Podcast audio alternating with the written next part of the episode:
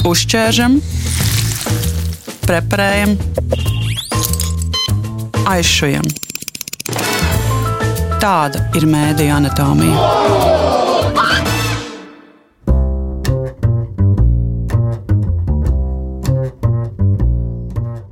Šodien mēdīņa anatomijā runāsim par žurnālistu pašcensūru. Veidojot šo raidījumu un tiekoties ar dažādu redakciju žurnālistiem, es, Dārsa Krejere, regulāri dzirdu stāstus par to, cik grūti līdz ar pandēmijas un kara notikumiem ir kļuvis strādāt. Saņemot pārmetumus, aizrādījumus un bieži vien pat uzbrukums par nepareizu viedokļu paušanu, žurnālisti arvien biežāk izvēlas paklusēt.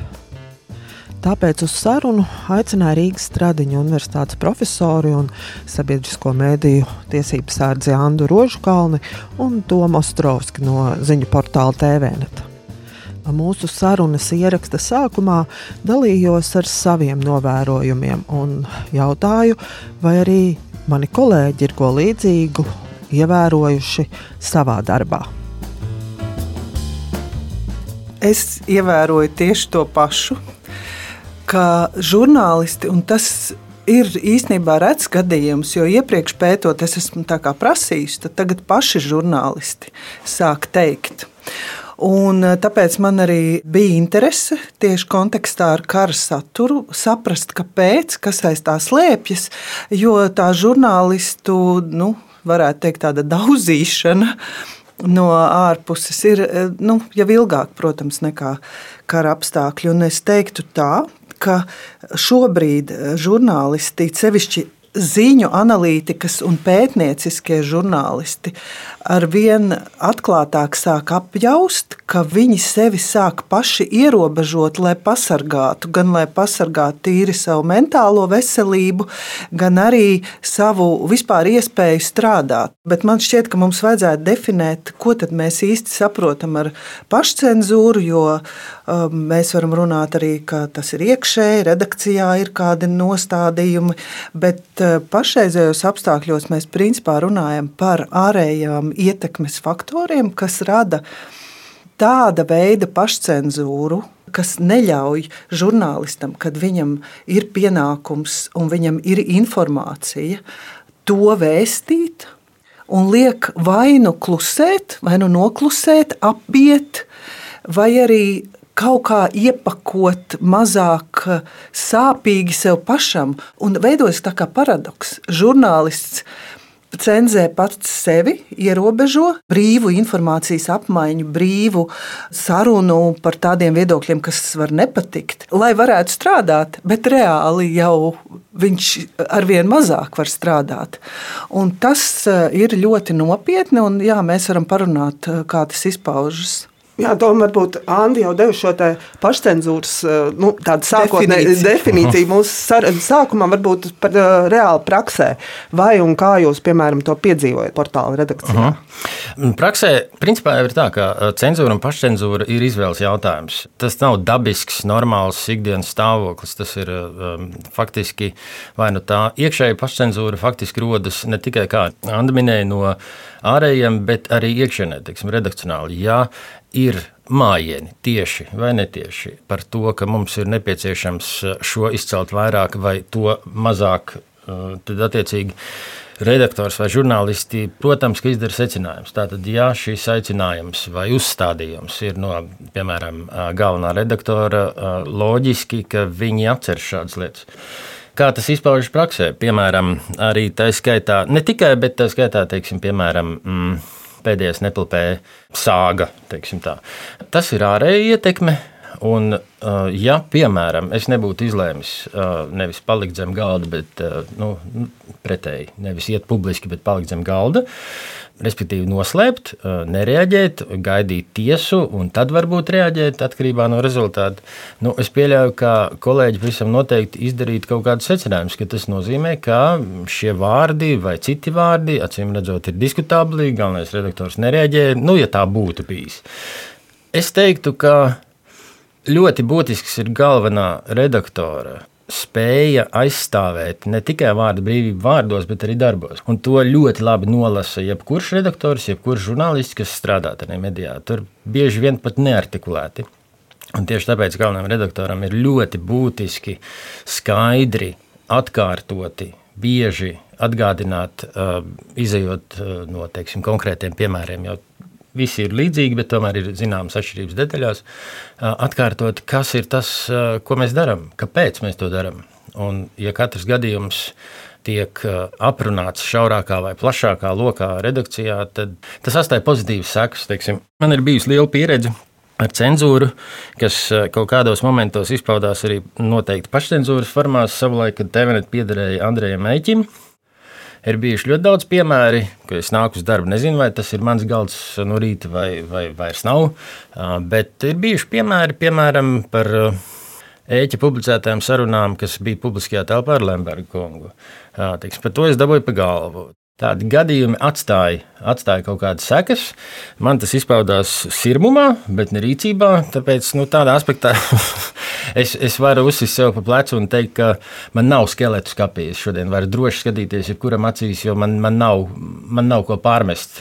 Jā, kļūdas, kļūdas ir visiem, bet ne cenzūra vai pašcensūra tādā formā. Un šī iemesla dēļ pats TVNet grupas medijos nekad neesmu realizējis cenzūru vai darbību, rīcību, kas uh, varētu radīt pašcensūru. Jo es ļoti labi zinu, ko tas nozīmē. Un kā, teiksim, gan verbāli, gan neverbāli, nu, no manas puses. Bet um, ir jau arī daudz citu piemēru, kas uh, īpaši komercmedijos uh, var radīt uh, gan pašcensūru, kā sekas, gan arī būt tieša cenzūra, ja teiksim, galvenais redaktors nesaprotas ar mediju uzņēmumu vadību. Teiksim, vadītāji. Tēvnēta grupas gadījumā es teiktu, ir ļoti paveicies ar Zani Bārtnieci, kas ļoti labi saprot, kas ir kas, kāds ir mediju pienākums un tam līdzīgi, respektīvi, kāda ir ilgtermiņa perspektīva, ko mēs vispār darām un kāpēc. Un šajā aspektā mēs esam, teiksim, Tēvnēta grupa ir zaudējusi diezgan daudz naudas, es pieļauju sešciparu skaitļos, kad mēs esam atteikušies iekļaut slēptu kaut kādu informāciju publikācijās. Un ir arī, protams, pozitīvi piemēri. Var arī nosaukt konkrētas lietas. Uh, un kāpēc es šo minu? Šī reakcija vai reaģēšana uz konkrētiem uh, notikumiem, uz konkrētām lietām, uz konkrētiem gadījumiem arī dod to skaidru vēstījumu redakcijai, gan žurnālistiem, gan redaktoriem, gan arī teiksim, pārdošanas nodaļai, mārketinga nodaļai, respektīvi, pilnīgi visiem. Tur šajā gadījumā teiksim, ir, ir cenzūra vai ir pašcensūra kā sekas cenzūrai sākotnēji. Par to varbūt nerunā. Bet, ja tas notiek, to zina visi. Un zina parasti arī ārpus uzņēmuma nozarēm, visam noteikti reklāmas aģentūrās un visur citur. Teiksim, gulbja vadītājs Tets savulaik vēl gulbja vadītājs. Ik pa laiciņam, mm, teiksim, tā rāva ārā reklāmas, tāpēc, ka viņam kaut kas nepatīk, ko mēs rakstām. Un nebija runa par ziņām, bija runa par kādu viedokļu rakstu, par kādu publicistiku. Un, tas, protams, komercmedijām ir būtiski. Un šī brīdī loģiski vienmēr ir nu, tāds nosacīts spiediens vai pašcensūra. Varbūt ne iekšienē rosināt, bet es saprotu, ka uzņēmumam nauda ir nepieciešama, jo valsts mūs nesubsidē. Attiecīgi, vēlme apdomāt, apsvērt nākamreiz, protams, ka eksistē. To nevar noslēpt. Bet nu, mēs šajā gadījumā, tā kā tas mums nav bijis vienu reizi, bet vairākas, tad nu, es domāju, tas arī izsaka visu. Un no pēdējiem gadījumiem, kas vēl ir ļoti interesants, ir, tāds, ir Latvijas valsts uzņēmums Latvijas Loto, kas arī izņēma reklāmas, tāpēc, kad Toms Lūsis bija uzrakstījis tādu publicistiku par azartspēlēm. Tā, tur bija pieminēts Latvijas Loto. Latvijas Loto kā valsts uzņēmums izlēma, ka nu, nē, nu, šādi mēs ņemam ārā, viņi ir izņēmumi reklāmas. Ja cilvēks spēj, vai teiksim, galvenais redaktors vai atbildīgie vecākie redaktori spēj nosargāt šādu nu, teiksim, redakcionālas neatkarības, vārda brīvības nu, pamatpostulu darbībā, tad es domāju, ka tas arī pārējiem kolēģiem dod tādu pārliecība par darbu, ko viņi dara, ka tas ir vērtīgs, ka tam tomēr ir jēga. Un neskatoties uz teiksim, īpaši Covid un kara kontekstā, gan privātiem apdraudējumiem, gan no, personīgiem, gan, gan arī publiskām zakāšanām no citām personām, teiksim, nacionāla radikāļiem vai, vai otrā grāvī sēdošajiem, nu, nav būtiski politiskais spektrs. Tas ir tāds nu, labs piemērs, un tas ir faktiski galvenā redaktora pienākums. Bet vai strādājot kā galvenam redaktoram šajā laikā, tev nākas saskarties biežāk strādājot ar žurnālistiem, kuri pasakā, nē, es, nu, piemēram, šo nerakstīšu, un tēma ir jūtīga, kurā ir ļoti krasni pretēji viedokļi par to, ir labi vai slikti.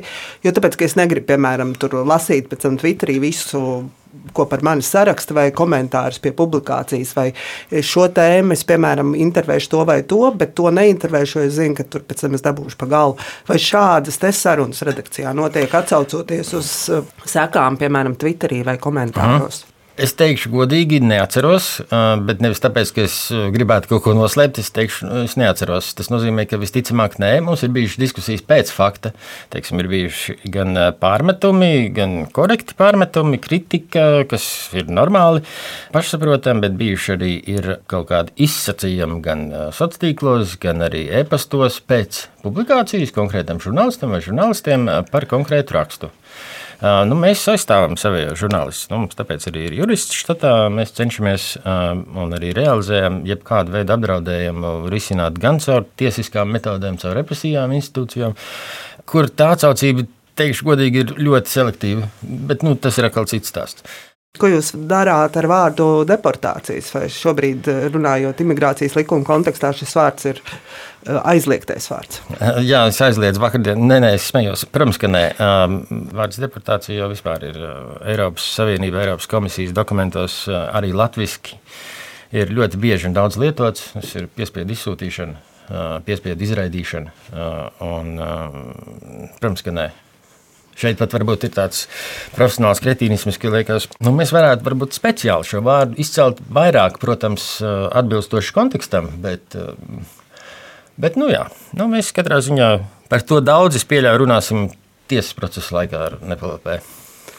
Kā tas izklausās, šie piemēri, ko minēja Toms, vai tā ir tāda tipiska Latvijas mēdīja redakcijas ikdiena, vai nu, runājot ar kolēģiem, veicot pētījumu, jūs saskaraties ar citu situāciju, kā mēs varētu kā, ar tādu barometru novērtēt? Jā, es, es esmu ļoti pateicīga ka būtībā Toms raksturoja ar aktuāliem un arī savas pieredzes tādiem piemēriem ļoti lielu daļu no tā, kā var izpausties gan no biznesa partneriem, no kuriem ir atkarīgi mediju uzņēmumu ienākumi, gan no vadītājiem, nu, teiksim, menedžmenta, augstākā menedžmenta, gan redaktoru puses un arī no ārpuses. Un es jā, to arī esmu sastapusies, bet es gribu izcelt vēl divus veidus un mazliet diskutēt par to, ka Eh,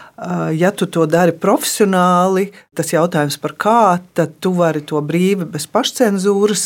Nu, man, man pieredze un arī tie dati ir pretrunā, ka tieši tas, kādā veidā saturs tiek pasniegts un kā skatās žurnālists, ka tas ir saistīts ar pašcensūru. Tātad tie divi aktuāli avoti, kas ir, jā, nu, sākās pandēmijā, bet sevišķi kara laikā, ir politiski iesaistītu gan profesionālu politiķu, gan apolitiku strādājošu cilvēku, politisko sabiedrisko attiecību pārstāvji, dažāda veida ļoti nu, teiksim, asas reakcijas un auditorijas, kuras reizēm saplūst, bet ir, es, es uzskatu, ka tas nav nu, ir jāskatās daudz detalizētāk, un reizēm teiksim, šie politisko uzskatu vai interešu pārstāvji izlieks par auditoriju un pat piesavinās arī man, kas pret mani ir vērsts, vai man rakstītajās vēstulēs, kuras arī redzu, nu, teiksim, tos pārmetumus,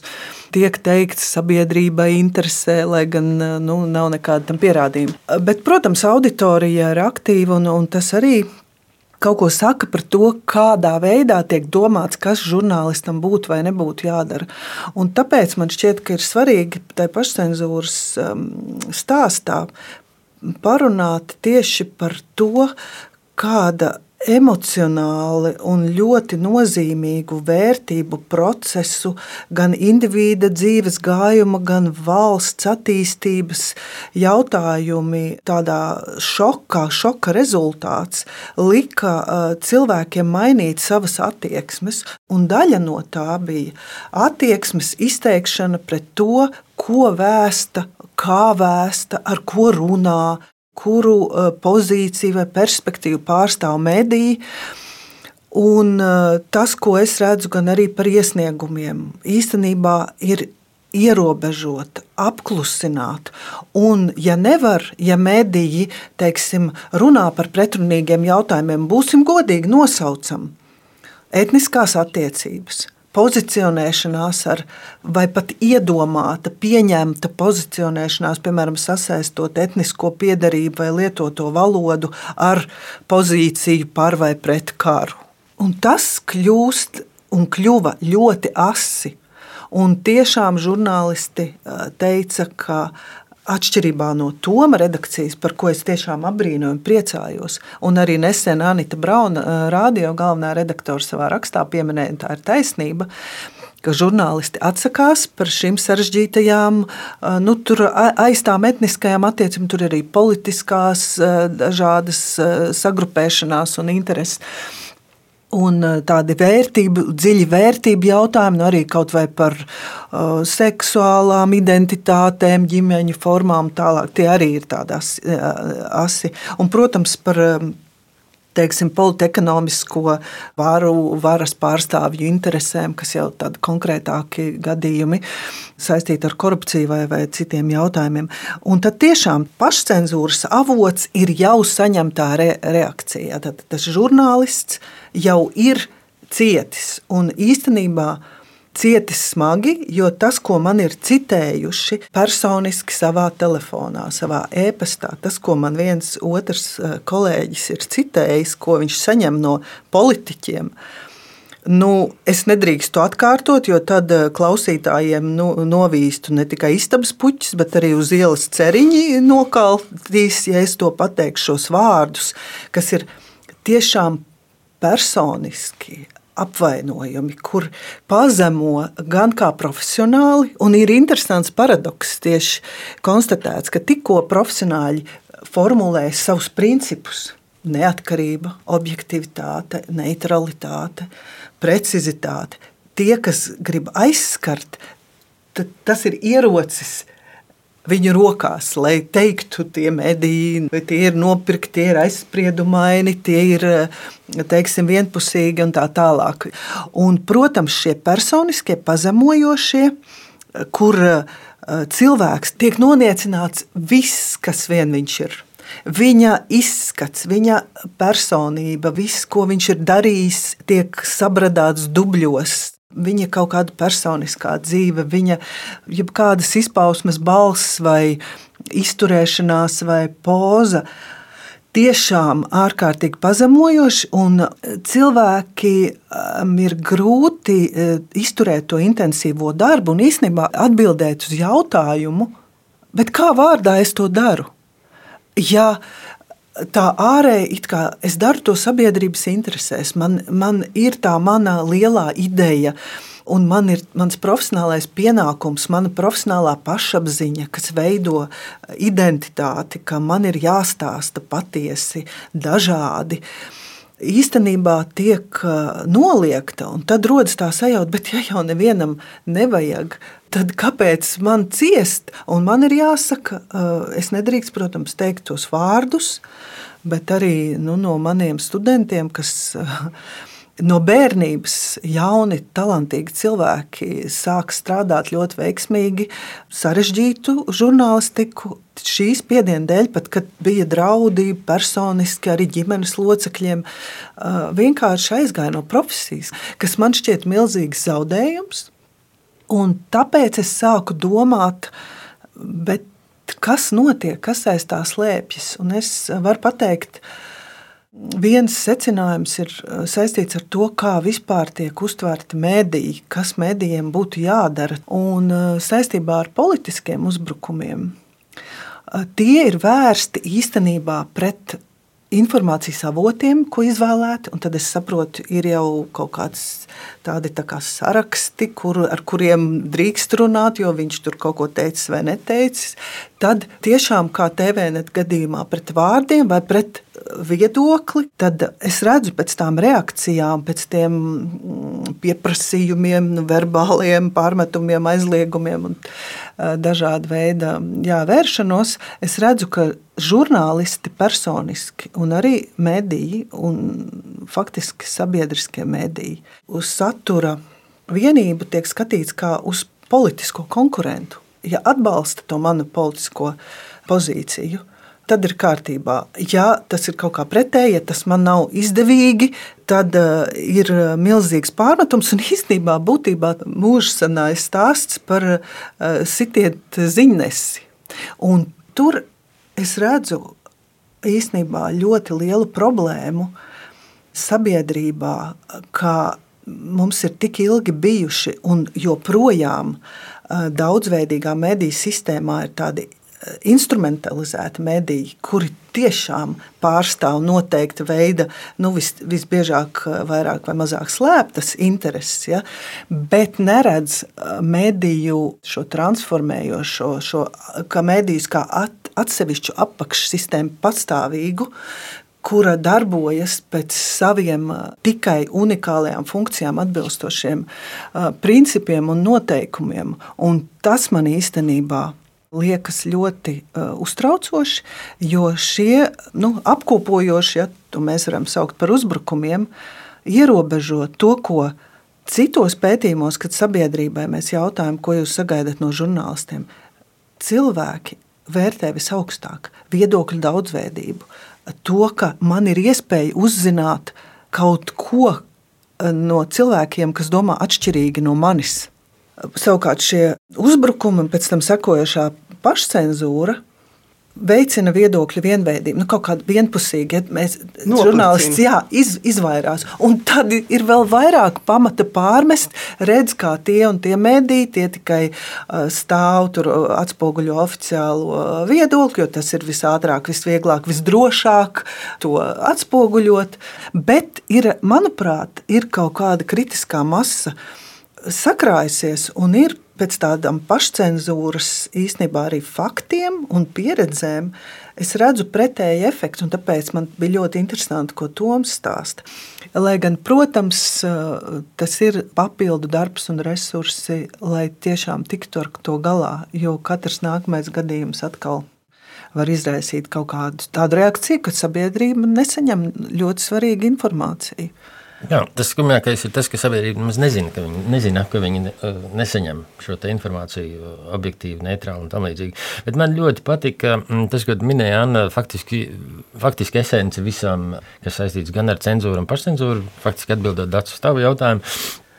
Tas, ko es gribētu pieminēt, slēptā pašcensūra, tas, ko tu minēji, ir par uh, sekām, kas paliek uh, gan privāti vainojot žurnālistu, vienalga par ko neatkarīgi, kā tu teici, arī par izskatu, tā skaitā. Restīvi it kā par šķietam triviālām, sadzīviskām, iespējams pat lietām, jo, zin, jo tas skar mūs visus tieši tāpat kā nodokļu maksāšana attiecas neatkarīgi politiski, etniski vai citiem grupām, sabiedrības grupām. Uh, Tas pavisam noteikti ir būtiski. Es teiktu, ka ļoti būtiski, tāpēc ka tas nav acīm redzami. Teiksim, tas nav tāds izvēles jautājums, kur tu, teiksim, galvenais redaktors var aizstāvēt vai nevar. Vai tur ir uh, spēja, teiksim, vai nu verbāli vai rakstveidā precīzi nodefinēt, ko mēs darām, nedarām un, un par ko mēs stāvam tam līdzīgi. Jo šī ir tāda īstenībā ļoti sarežģīta ikdienā fiksējama gan pašiem, teiksim, pašam žurnālistam, gan arī vecākajam redaktoram vai, vai, vai atbildīgajiem galvenajiem uh, vadītājiem. Un, un tad ir jautājums, ko darīt, kā risināt. Jo bieži vien uh, es pieļauju, ir uh, atzīt teiksim, šādu uh, emocionālu, psihoemocionālu stāvokli. Žurnālistam faktiski var rast, radīt priekšstatu, kad es atzīstu savu vājumu. Attiecīgi, es par to negribu runāt, nu, vai likt manīt, ka es gribu par to runāt. Un tas uh, visam noteikti atstāja sekas, kuras iespējams uzreiz neredz. Daļa no uzbrukumiem, protams, ir briesmīgi, ka tu saņem savā privātajā telefonā, ja, vai uz privāto telefonu numuru kaut kādas tiešām ārkārtīgi smaga veidā apsūdzības vai, vai izņirgāšanos vai pat draudus, bet tomēr lielākā daļa notiek visu laiku publiski. Un runājot par auditoriju, kura iemācās netiešā veidā, ka tas ir tas, kā var runāt, kā, Jā, nu es, kā mm. drīkst izturēties. Un kas ir ikdienišķa izturēšanās, un ņemot vērā to fonu, ka mēs visi esam emocionāli kļuvuši ļoti jutīgi, un es pilnīgi uh, sekojot to un vācot datus, redzu, ka uh, ka komunikācijai tiek piešķirta tik liela nozīme, ka, ja pateikts kāds vārds, kas varbūt nav es pilnībā nosodu karu, ja, bet, eh, piemēram, tas vārds ir, es gribētu eh, izpētīt dažādos Ukrainas sabiedrības slāņus, eh, viņu attieksmi pret karu ka tas tiek uztverts kā tāds, kas nedrīkst izskanēt, jo tas tūlīt izmainīs visu realitāti un iespējams kara gaitu un, un sabiedrības tālāko attīstību. Un tā izēja, kas tiek meklēta, vai, vai tā emociju tāda ventilēšana, ir vērsta pret žurnālistiem, jo tas mhm. parādās mm. publiski. Un, jā, un tas man šķiet, uh, ir problemātiski, kā vispār uh, tagad iemācīties, sarunāties, pieņemt. Man ir stāstīts par krievu kolēģiem, kuriem, nu, kas ir krievalodīgie vai, vai krievi, kā darba kolēģi, kuri vispār nespēja izteikties par kaut kādiem aktuāliem jautājumiem, vai kuri jūtas tā, it kā viņi pēkšņi būtu vainīgi pie kara vai viņi eh, būtu tajā iesaistīti. Vai, nu, mm. nu, man liekas, ka tad, ja mēs pierodam eh, pie tā, ka ja mēs iemācāmies, ka katrs vārds, kas mūs kaut kā uztrauc, un tā ir dabiska reakcija, tas nesakrīt ar to, mūsu kaut kādu eh, lielāko pārliecību. Mūs var novest pie tā, ka mēs gribam apklusināt vai vienkāršoti apzīmogot tās precējās puses, ka tā ir būtībā sabiedrības uh, problēma, kā mēs vispār sarunājamies. Un Mēdīņu uzdevums ir iemācīt sarunāties un piedāvāt sarunu. Bet, ja mēdīņi tiek paši ierobežo sevi, jo tas tiek pieprasīts, šis kāds viens ļoti stingra pozīcija, uh, Tā kā jā, man šķiet, ka mm, tā viena lielā problēma ir kā šo skaļo nelielas grupas kliekšanu uz medijiem un žurnālistiem balansēt ar to, ka tomēr sabiedrība, visi dati rāda, ir kopumā augusticēšanās medijiem, ir ieinteresēta nopietnā informācijā par sarežģītiem jautājumiem, saprot to kompleksitāti Ko tad darīt? Ka mēs, nu, tagad, man liekas, Anna minēja ļoti svarīgu frāzi, ka tas ir redakcijas ikdienas darbs, šo žurnālistu stiprināt un viņam iedot šo iespēju turpināt darbu, neskatoties uz to, ka ir pārgurums, ka ir apnikums, ka ir varbūt jau esi to jau tam gājis desmit reizes cauri. Varbūt vēl par to, kas ir darāms. Jā, no vienas puses ir ļoti, arī kolēģi ir teikuši, ka ļoti vērtīgs ir šis sabiedrība, ka, ka klausītājs, skatītājs, lasītājs lasītājs pasakā, jūs mums esat vajadzīgi, mums jūsu darbs ir svarīgs. Kas ir vēl ko darīt, lai stiprinātu redakcijas, stiprinātu žurnālistus un šī pašcensūra būtu, eh, ja arī ir, tad tā ir savā starpā izrunājam, un mēs varam viens otram palīdzēt uh, maksimāli to, nu, ja ne novērst, tad katrā ziņā jā, mēs par to runājam, un tas vairs nav tāds kaut kāds nu, glābšanas riņķis jau, jau grūtā situācijā. Es domāju, ka tas ir nosacīti veidzinājums. Novērst to, es domāju, pavisam noteikti nevar, bet var kompensēt. Un tas faktiski ir sācies Visticamāk, bija arī pirms tam, bet ir sācies ar tā saucamo sociālo tīklu gadsimtu. Proti, tas burbulis, kurā es atrodos, vai jebkurš cits, citā burbulī, tā ir pietiekoši slēgts lokus, un tāpat laikā tā eksponēšanās vai, vai faktiski saikne ar citiem burbuļiem, nu, viņi kļūst ar vien mazāka. Varbūt ne žurnālistu vidē, bet teiksim, sabiedrībā kā tādā abstraktā lielumā. Un tas atstāja, manuprāt, milzīgu um, negatīvu efektu tad, kad šie atsevišķie, kā Anna minēja, atsevišķie bļāvēji izsaka mm, vienalga apvainojums, draudus tas atstāja lielāku iespēju, jo es neesmu, es esmu atradis, es, es neesmu pieradis diskutēt. Neesmu, um, tā nav mana ikdiena. Attiecīgi, es sēžu savā burbulī, faktiski sarunājos ar līdzīgi domājošiem. Visticamāk, apzināti es tur atrodos, tur ir burbulī šī paša iemesla dēļ. Un, ja kāds uh, pēkšņi apšauba manu pārliecību vai uzskatus, tad brīdī, um, ja es neesmu ieradis. Uh, savu viedokli aizstāvēt, jo es esmu tādā savā burbulī, kur ir līdzīgi domājušie. Tad man, protams, ir milzīgs diskomforts, un es to uztveru personīgi. Tas tāds faktiski tāds konstants afekts vai kognitīvā disonance, kā tu, kā tu minēji, tas bija ļoti precīzi. Kaut tas kādā arī bailes. bailes Jā, no tas tā. rada bailes. Jā, ko darīt? Visvairāk palīdz kolēģi atbalsts. Jautājums, vai visiem ir tik lab, labs kontakts? Es domāju, ka tas kompensējošais mehānisms, lai kāds tas cik precīzi definēts vai nē, redakcijās iekšienē ir, ir tas, kas vismaz līdz šim ir mums palīdzējis. Es nedomāju, ka visu atrisinājis, pavisam noteikti nē, bet palīdzējis ir, jā, jo spēja ieraudzīt arī nav vienkārša. Īpaši tad, ja teiksim, tas, kuram vai kuriem, vai tai teiksim, psihologu vai, vai speciālistu grupai, ja viņiem pašiem ir līdzīga rakstura teiksim, problēmas, tad faktiski visi ir vienā laivā un īsti nu, nezinu, slīkošais vēl slīkošo, nu, respektīvi, nu, tā metaforās runājot. Bet uh, iekšējais atbalsts uh, arī gan par profesionāliem teiksim, sasniegumiem, un ne tikai balstītiem datos, bet vienkārši ir ļoti labs raksts, lai arī nav lasīts kaut kādas mm, nevis formāla rakstura uzslavas. Tie ir daudz mazi sīkumi, kurus redzu, kas ir tas kompensējošais mehānisms. Pirmkārt, jau vienkārši komunikācijas nu, klātbūtne, klātesamība, tuvums. Tas nozīmē, ka man nevis interesē šis kolēģis tādēļ, ka viņš strādā mm, pie mums un man ir konkrēts redzējums, ko es gribu, lai viņš dara vai viņa bet man interesē vairāk, un, un tas nedrīkst būt nepatiesi.